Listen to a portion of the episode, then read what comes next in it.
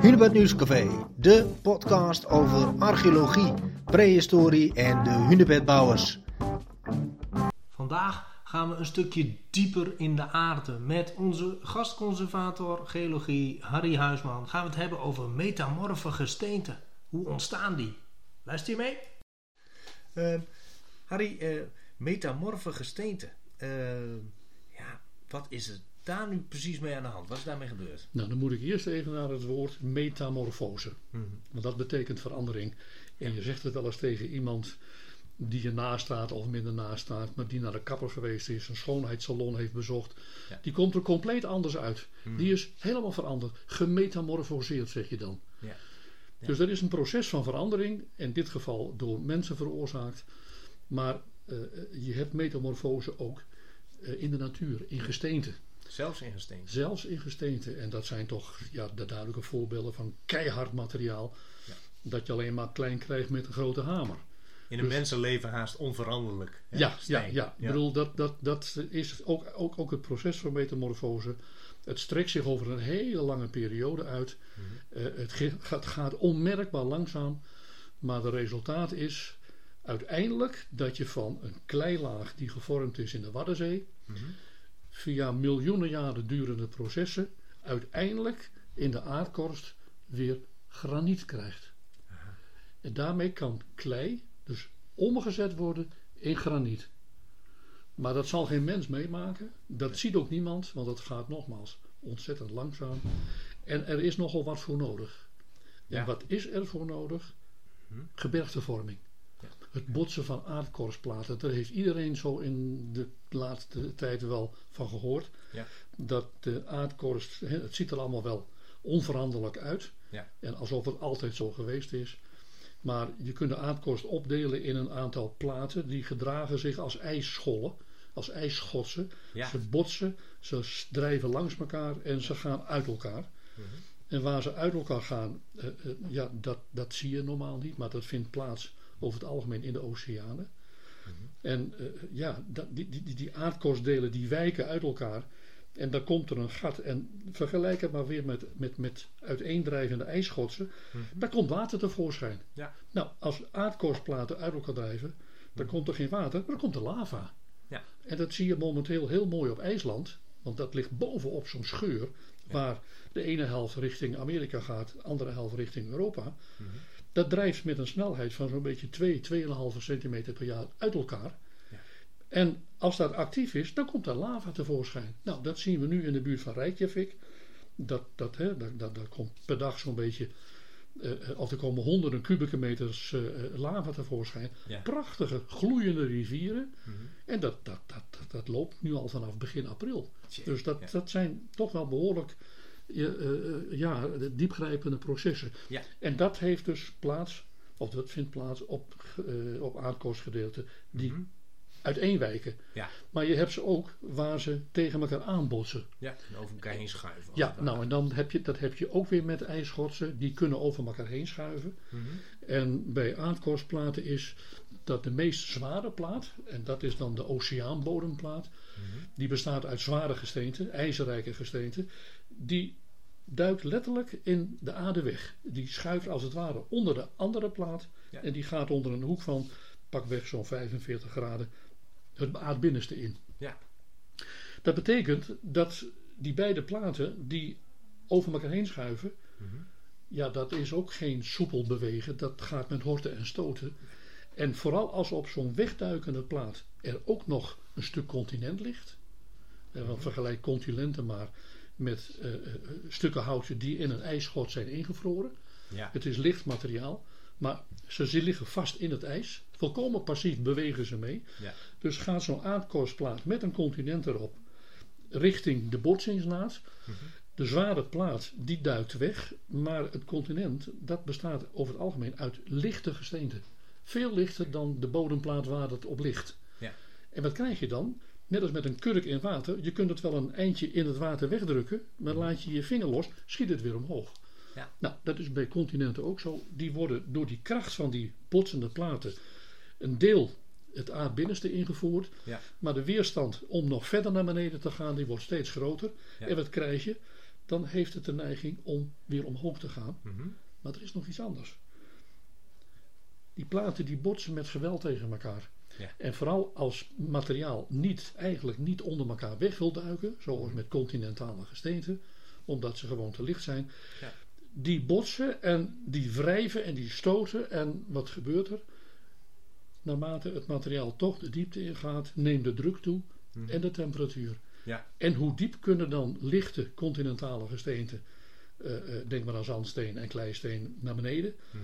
Nou, in sommige gevallen kan dat eh, oplopen tot wel 100 kilometer. Dus het is nog wel een behoorlijke Komen diepte. best wel ver. Ja. Dan komen we best wel ver. Ja. Alleen dan stopt het. Dan houdt het echt op. Ja. En Ja. wat gebeurt er dan? Die gesteenten, eh, laten we maar een voorbeeld nemen als een laag klei met zand, hè, Ja. een waddenafzetting. Ja. Wat naar beneden gaat, ja, dat komt onder druk. Nou, voor die tijd is het al geen klei meer. Dat wordt omgezet, veranderd in leisteen. En wat is dat omzetten nou? Eh, klei bestaat uit hele kleine deeltjes, Ja. minerale deeltjes. Mhm. Eh, die bestaan weer uit kleinere bouwsteentjes. Als dat onder druk komt en bij een temperatuur meer dan 200 graden, Ja. dan vallen die bouwsteentjes uit elkaar. Oh ja. Dat worden weer kleine ja, mitselsteentjes, zeg maar. Ja. En onder de druk- en temperatuurverhouding die op die diepte heerst, Mhm. gaan die bouwsteentjes nieuwe combinaties vormen. En dat noemen we mineralen. Die vormen daar kristallen, maar omdat ze dat met zoveel tegelijk doen, eh, eh, hinderen ze elkaar in de groei. En krijg je dus dat klei verandert in leisteen. Het scheelt één letter, Ja. maar als je kleisteen hebt, wat echt samengeperst is, Ja. dan is het meeste water eruit. Ga je vermalen, doe je er water bij, heb je weer klei. Ja. Doe je hetzelfde bij leisteen, Mhm. waar één letter aan ontbreekt, Ja. dan kun je het ook vermalen en water erbij doen, maar je houdt gewoon gesteentepoeier over. Ja. Dus het is echt veranderd. Nou, en leisteen, als het proces doorgaat, en dat gebeurt normaal bij gebergtevormingen, Mhm. want het botsen van continenten, dat leidt tot gebergten. Aan- hè, Denk maar aan de Alpen, Ja. aan de Pyreneeën. Nou, het mooiste voorbeeld is de Himalaya, hè, waarbij India tegen Azië gebotst is. Nou, dat, dat, dat gaat nog steeds door. Dus dat is Ja. een imposant gebergte. Ja. Wat gebeurt er met leisteen als dat onder druk blijft staan en dat gaat dieper de aardkorst in? Mhm. Dan worden de omstandigheden extremer. Ja. Temperatuur stijgt, druk gaat omhoog. Leisteen verandert in glimmerschist. En dat is een gesteente dat als je dat hebt in je handen en de- het zonlicht eh, schijnt erop, dan schittert het alsof het allemaal zilver is. Oh ja. Dat zijn kleine mineraaltjes van mica. Mhm. Die ontstaan uit de bouwstenen van leisteen. Aha. En glimmerschist, als dat proces zich gewoon voortzet, ja, dat gaat ook weer na verloop van tijd veranderen. Dus het metamorfoseert in een glijdend tempo in de tijd van het ene uiterste naar het andere. En Ja. uiteindelijk kun je door die veranderingsprocessen op kilometers diep in de aardkorst omstandigheden krijgen die zo extreem zijn, Ja. dat die mineraaltjes die voortdurend nieuw gevormd zijn, Mhm. die denken, ja, bekijk het maar, ik, eh, ik, geef, eh, geef de brui aan, die gaan smelten. Ja. Nou, en gesmolten materiaal, dat verzamelt zich via Mhm. scheuren en spleten. Het is ook weer lichter dan het vaste gesteente eromheen. Ja. Dus je krijgt opeenhopingen van gesmolten gesteente. Nou, dat noemen ze magma. Mhm. Komt dat door vulkanische uitbarsting aan het aardoppervlak, dan noem je dat lava. Ja. Maar als het beneden in de aardkorst blijft zitten, Mhm. en die botsingsprocessen die houden op een gegeven moment op, omdat de weerstand van die botsende continenten op een bepaald moment zo groot wordt, dat het proces stopt. En dan krijg je dat geleidelijk aan die gebergten nog iets omhoog gaan, Mhm. maar dan krijgt de verwering er ook vat op. Hè? Ja.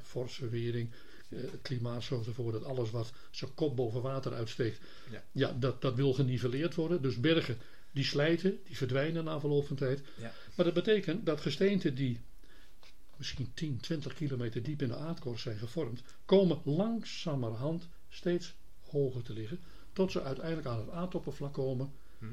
Ja. En die herken je dan als je bijvoorbeeld in Zweden rijdt of in Finland als graniet of als Ja. of als glimmerschist, afhankelijk van waar je rijdt. Mhm.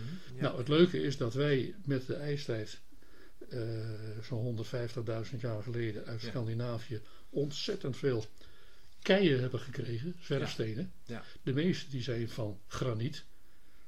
De andere zijn van gnijs, maar laat ik het even op graniet houden. Ja. Dat zijn dus dieptegesteenten die op kilometers diepte in de aardkorst ooit zijn ontstaan. Ja. Maar doordat die gebergten weggesleten zijn in de loop van de tijd, is dat materiaal aan het aardoppervlak terechtgekomen. En daar hebben wij zwerfstenen van gekregen. Maar zo kun je zien, en je kunt het ook aan de hand van zwerfstenen heel mooi reconstrueren, Mhm. dat je uiteindelijk van een soort zandige klei, zeg maar silt, Ja. hè, wat je in Noord-Groningen als ideale akkerbouwgrond ziet, Ja. dat dat in de aardkorst, in die druk- en bakoven, Ja. omgezet kan worden tot uiteindelijk een volkomen nieuw gesteente. Dat je als graniet herkent in een puibekleding van een prachtig bankgebouw. Ja, ja, schitterend. En dat is eigenlijk de reis van de steen in het kort ook weer verteld. Ja, en dan praat je dus echt over miljoenen jaren. Ja. Maar wel dat, dat, dat ook ja, gesteenten, net als alle andere dingen in de natuur, onderworpen zijn aan een kringloop van ontstaan, vergaan en opnieuw gevormd worden.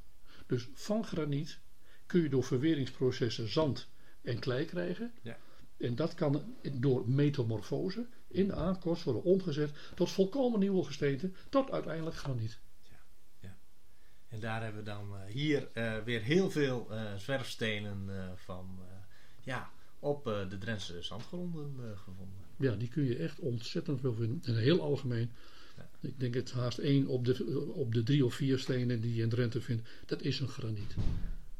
En die heeft een hele lange geschiedenis achter de rug. En is ook heel oud, waar wij niet aan moeten denken.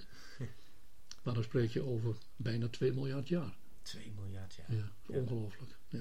Pak maar eens een steentje op mensen in de achtertuin. Hè? Dankjewel Harry. Graag gedaan, jong. Dit was alweer een podcast van het Hunebed Nieuwscafé.